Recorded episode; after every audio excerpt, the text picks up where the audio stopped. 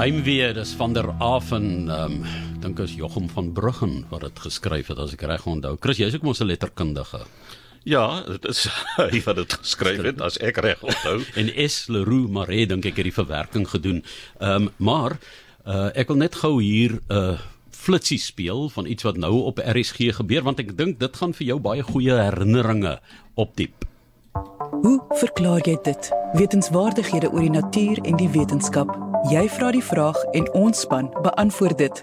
Sondag 16 Oktober gaan Hoe verklaar jy dit regstreeks uitsaai vanaf die Plataan Kafee by die Woordfees. So kom sit in die gehoor en luister saam met my Lise Swart na die wonderlike antwoorde wat ons paneelkenners gaan gee. Dit is Hoe verklaar jy dit? Sondag 16 Oktober by die Woordfees.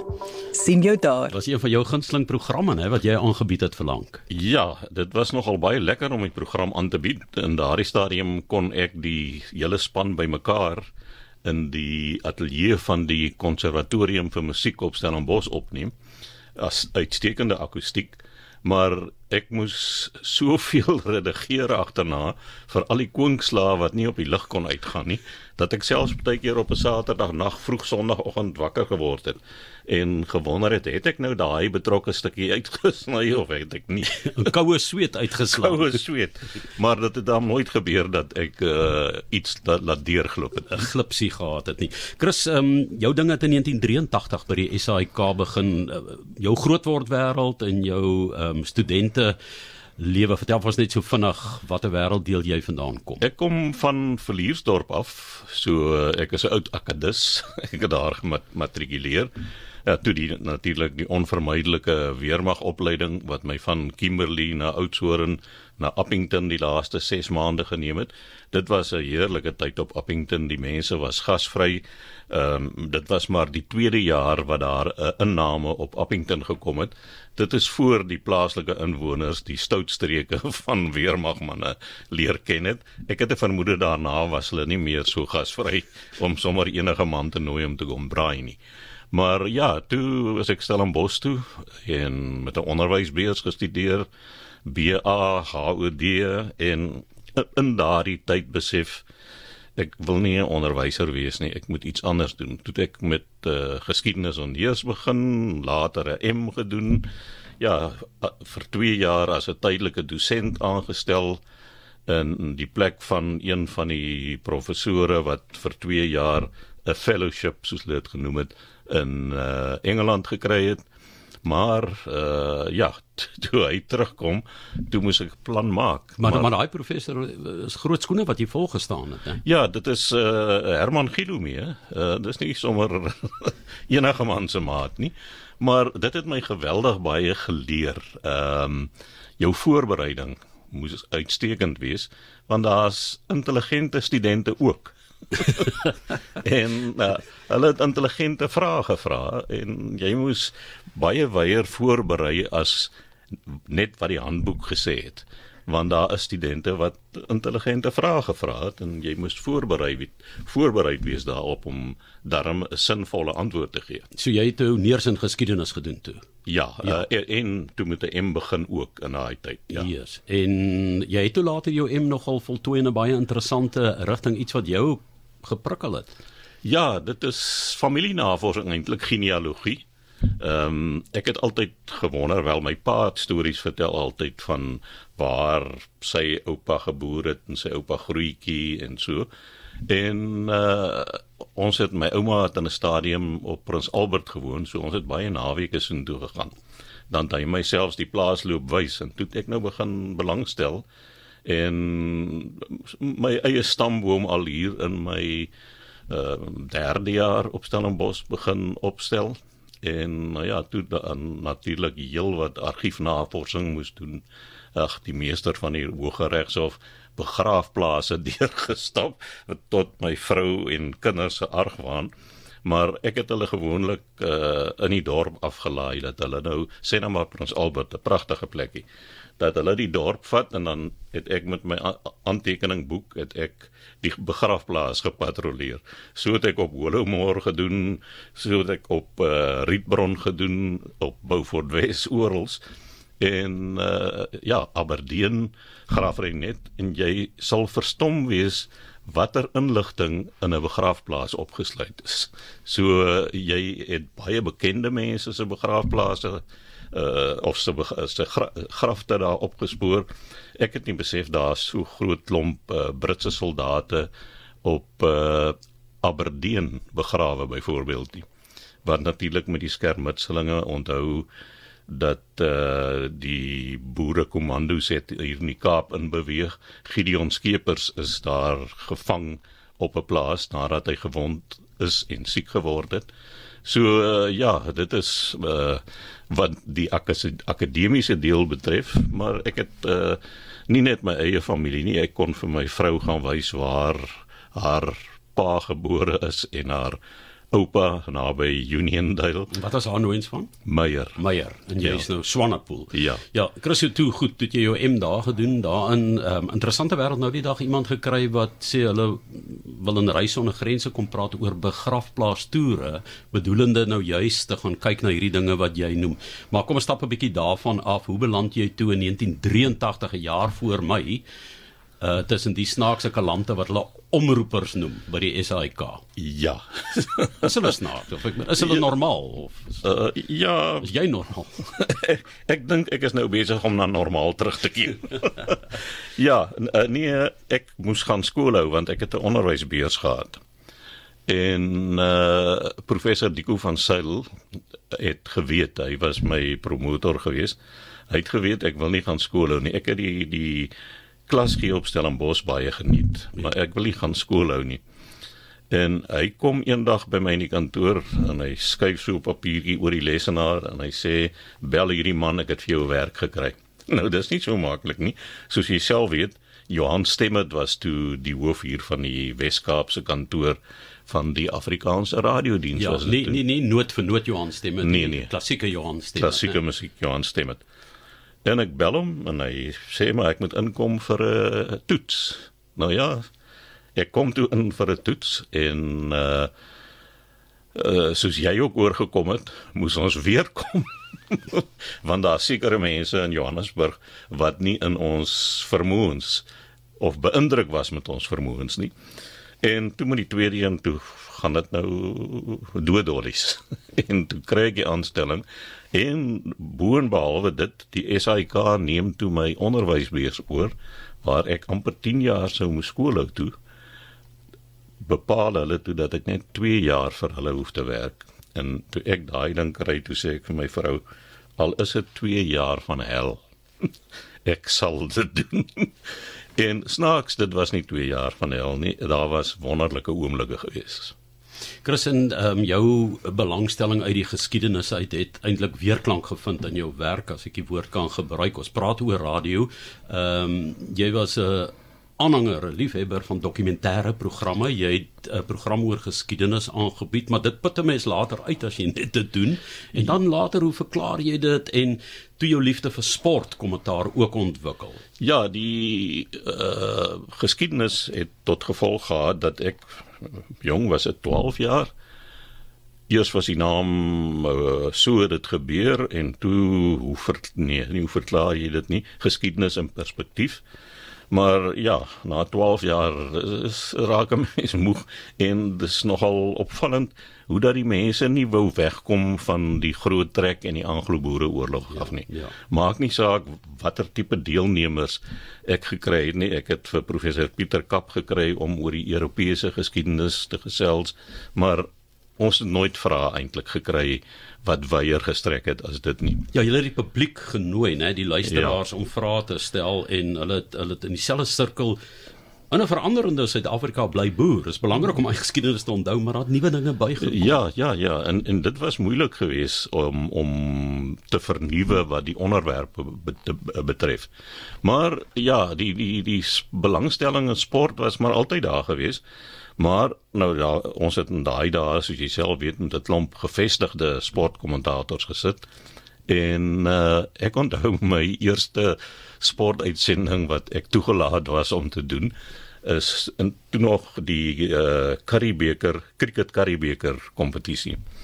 en WPB het op Constantia se veld teen Noord-Transvaal B gespeel en ek kry toe die opdrag ehm um, ek moet die wedstryd gaan dek nou ek het net so uh, nie veel kommentaar kon doen nie want daar was toe nou uh, die regte Karibeker wedstryde van die A-spanne en ons het 'n 'n bussie minibussie van die SAIK gevat die agterste sitplekke uitgehaal en dan die agterste twee venstertjies skuif mos 'n entjie oop. En die destydse skrynwerker hier by die SAIK het vir ons 'n plank gesaag, maar hom nou dunner gemaak dat as hy venstertjies oopgeskuif is, dan skuif hy deur die vensters en dan rus hy op die vensterbank. En dan het ons nou daar eh, drie stoele ingedra. Ehm um, maar in daai dae het ons in Afrikaans en Engels uitgesaai uh Afrikaans op op die Afrikaanse diens, maar ons het ook op Radio 2000 uitgesaai. So jy moes monitor wanneer sluit Radio 2000 by jou aan en uh daar so 'n skakelaartjie. Ek weet die klankman het hom altyd 'n toggle switch genoem. En jy moes dit ook nog dophou, maar wat lekker was, die minibussie is reg reg langs die sigskerm getrek. Klap agter oopgeslaan en maar jy moet nou net so ver wees dat dat jy nou nie oor die grens toe is met hom nie. En uh, snaaks, uh, ek het daarna self uh, op uh, Koetsenburg op die Universiteit Stellenbosch uh, velde Boland was in daardie stadium, dit was hulle tuiste voor hulle die veld in die Parel gekry het. Steven Jones en Adrian Kuiper en daai ons het daar gespeel. ja, maar wat toe uh, gebeur het, hulle skuif toe 'n wedstryd van WP teen Australië. Shane Warne was 'n jong mannetjie gewees. Nou die interessante was, jy sit hier reg langs die sigskerm, die man wat afhangende van watter kant af daar nou gebou word, wat op uh, derde man op die grens of op die skerby grens staan, die staan hier reg voor jou, jou, jy kan gesels met hom. en dan het jy natuurlik die studente gekry wat kom tussenwerpsels maak het hier soos wat jy praat. Maar dit was heerlike dae gewees en dis waar dit begin het. Ja, ek onthou uh, Chris, jy ek saam met my in die hokkie gesit het en dan het jy opsommings gedoen. Ek het kommentaar oor die rugby gedoen en hoe ek en jy een aan daardie tyd het ons 'n bier gaan drink by die Nuwe Land Hotel en toe daar so 'n kroeggeveg uitbreek. François Pinaar was daar en toe 'n lid van die publiek hom sommer getackle, maar toe Barabbas die stit het hy uit mekaar uitgehou en die kroegman daar oorgeklim. Ek het jy net so stil in die hoekie gesit en so, maar hulle het daarom Ja, ja, ja, nee, dit was 'n besondere ervaring geweest. Kyk, daar was van die WP se rugby spelers ook daar geweest en daar het 'n hele klomp manne uh, wat nou al 'n bietjie kwai gekuier het. En ek dink van hulle het daar van Calvinia se wêreld gekom. En hulle het vir François Pinaar daar weet gekry, maar ek het net besef skielik hier is 'n uh, remoer hier agter ons en toe ek omkyk toe dobber Frans op Pinaar se kop soos 'n peerbal. soos vir die ouens op ja, bykom. En uh toe het ek maar die volgende dag in die koerant gelees, een van die uh oortreders het 'n draai geloop en toe Barabbas venter hom gevolg en in die kleedkamer weet gekry. En, en en daar was amper 'n groot hofsaak gewees oor daardie kwessie. Ja, nee Chris, maar dit is die goed wat agter die skerms gebeur en uh wat jy weet wat die uitsaai wêreld die ooglopende wat jy hoor en wat mense hoor en so so uitdagend en anders maak. So wat mis jy van van die mikrofoon? Wel ek mis dit nie om na 'n cricketwedstryd toe te vlieg en 6 aande op my eie in 'n hotelkamer uh, tyd deur te bring nie. Maar ek dink soms daaraan ek sou nogal graag nou by die veld wou gewees het. Jy weet, uh, wedstryd op, op Nieuweland was my plesier want jy kon redelik laat wegry Nieuweland toe en vanaand slaap jy by die huis. En met ons weer in die Kaap in die somer is daar nog baie lig oor teen die tyd wat jy by die huis kom. Jy kan nog 'n snoek braai of wat ook al die volgende oggend kon jy langs die see loop stap voor jy veld toe gaan. Ehm um, ja, en dan was daar wat die cricket betref, was daar groot oomblikke geweest um, die uh, wêreldbeker toernooi wat in 2003 hier in Suid-Afrika uh plaasgevind het. Daarvan het ek 'n hele klomp wedstryde van die veld af uitgesaai. dan uh twee hoogtepunte wat vir my uitstaan. Die een was in 1998 op Trent Bridge. Alan Donald en uh wat is sy David uh, man hy was die kaptein van Engeland. Hulle het in 'n verskriklike onder onsie betrokke geraak. En die man is so gepeper deur Alan Donald en daar was woordewisseling na elke aflewering maar Ellen Donald kon hom nie uitkry nie, maar hy het blykbaar goed kwyt geraak en uh, toe is hy verhoor. En uh, gelukkig is hy nie geskort nie. Ek weet nie wat of hy 'n boete betaal is nie of uh, wat uh, of 'n boete moes betaal nie, maar dit was een van die beste stukkies kompeterende cricket wat ek nog aanskou het. En dan natuurlik uh, Jacques Callis met sy swane sang op Kingsmead in Durban toe hy daardie 100-tal aangeteken het. Ek dink nie mense kon verbe verbeter vra vir hom spesifiek sy laaste wedstryd. Hy teken 'n 100-tal aan in die Proteas wen. Ehm um, ja, daar's sulke oomblikke wat wat dit vir jou net laat voel maar dit is wat ek wil doen. Ja, ja was dit was dit Atherton gewees. Mike, uh, Mike, Mike Atherton. Mike Atherton ja. Mike ek, Atherton. ek sien sy gesig. Ek sien nie gesig. ja. Nogal 'n lekker gesig om na te bou as jy Suid-Afrikaner is. ja, maar hy daar 'n skerm gehad. ja. Voor dit so. Ehm die die 85 jaar van Afrikaans op die radio word nou gevier. Jy was lank by die SAK. Hoeveel diensjare? Man 36 jaar en 2 maande, maar onthou aan die begin het ons gepraat van 85. Ja, ja, ja, toe jy nog 'n junior omroeper regisseur was, dat jy was aangestel en dan het jy toetstydperk gehad en dit was nogal 'n hele skool waardeur 'n mens gegaan het en toe jy aangekom het, ons is nou in 'n vryskut wêreld, die omroepers. Daar was heelwat omroepers wat net vir die Afrikaanse radiodiens gewerk het, né? O ja, na die stadium almal as ek reg onthou kyk uh, Lambert Stevens en Susan van Wyk, die formidable Susan van Wyk, hulle daar op die eerste vloer waar ons kombuisie nou is, hulle daar gesit, maar hulle het albei net 'n jaar en 'n paar maande oorgehad in daardie stadium. En uh toe daarna het Margot Luit in Susan van Wyk se plek gekom as drama regisseur. Later is sy vervang deur Joey de Koker toe het Margo ja Margo is toe na TV oorklank toe en toe Joey weg is toe Margo weer teruggekom na ons toe. Almal formidable vroue. Maar as 'n junior omroeper toe jy na die kantoor gesit het, was jy omtrent amper 12 omroepers wat net in die Kaap was, né? Ja, ja, ek en Marietta kreer toevallig. Sy het eers by die nuuskantoor gewerk en uh op my eerste werksdag, dit was toe die 2de Januarie, die eerste het op 'n Sondag geval. So ek het eers op die 2de Januarie begin, maar sy het toe 'n oorplasing van ons nuuskantoor gekry en is as omroeper aangestel en daar was nie baie plek, ons het nie baie kantoorspasie gehad nie. En ek en sy het uh, kantoor gedeel met Rita Stroomfer, een van ons administratiewe personeel en aan oorkant die gang het Andre Blom, Tinus de Villiers, Nico Roos en Albi Grobbelaar gesit. Eh, dit sal ek baie goed onthou. Ja, Margo wat ek nou genoem wat van Johannesburg af gekom het. Uh Barbara Jooste het 'n oorplasing van Johannesburg af gekry.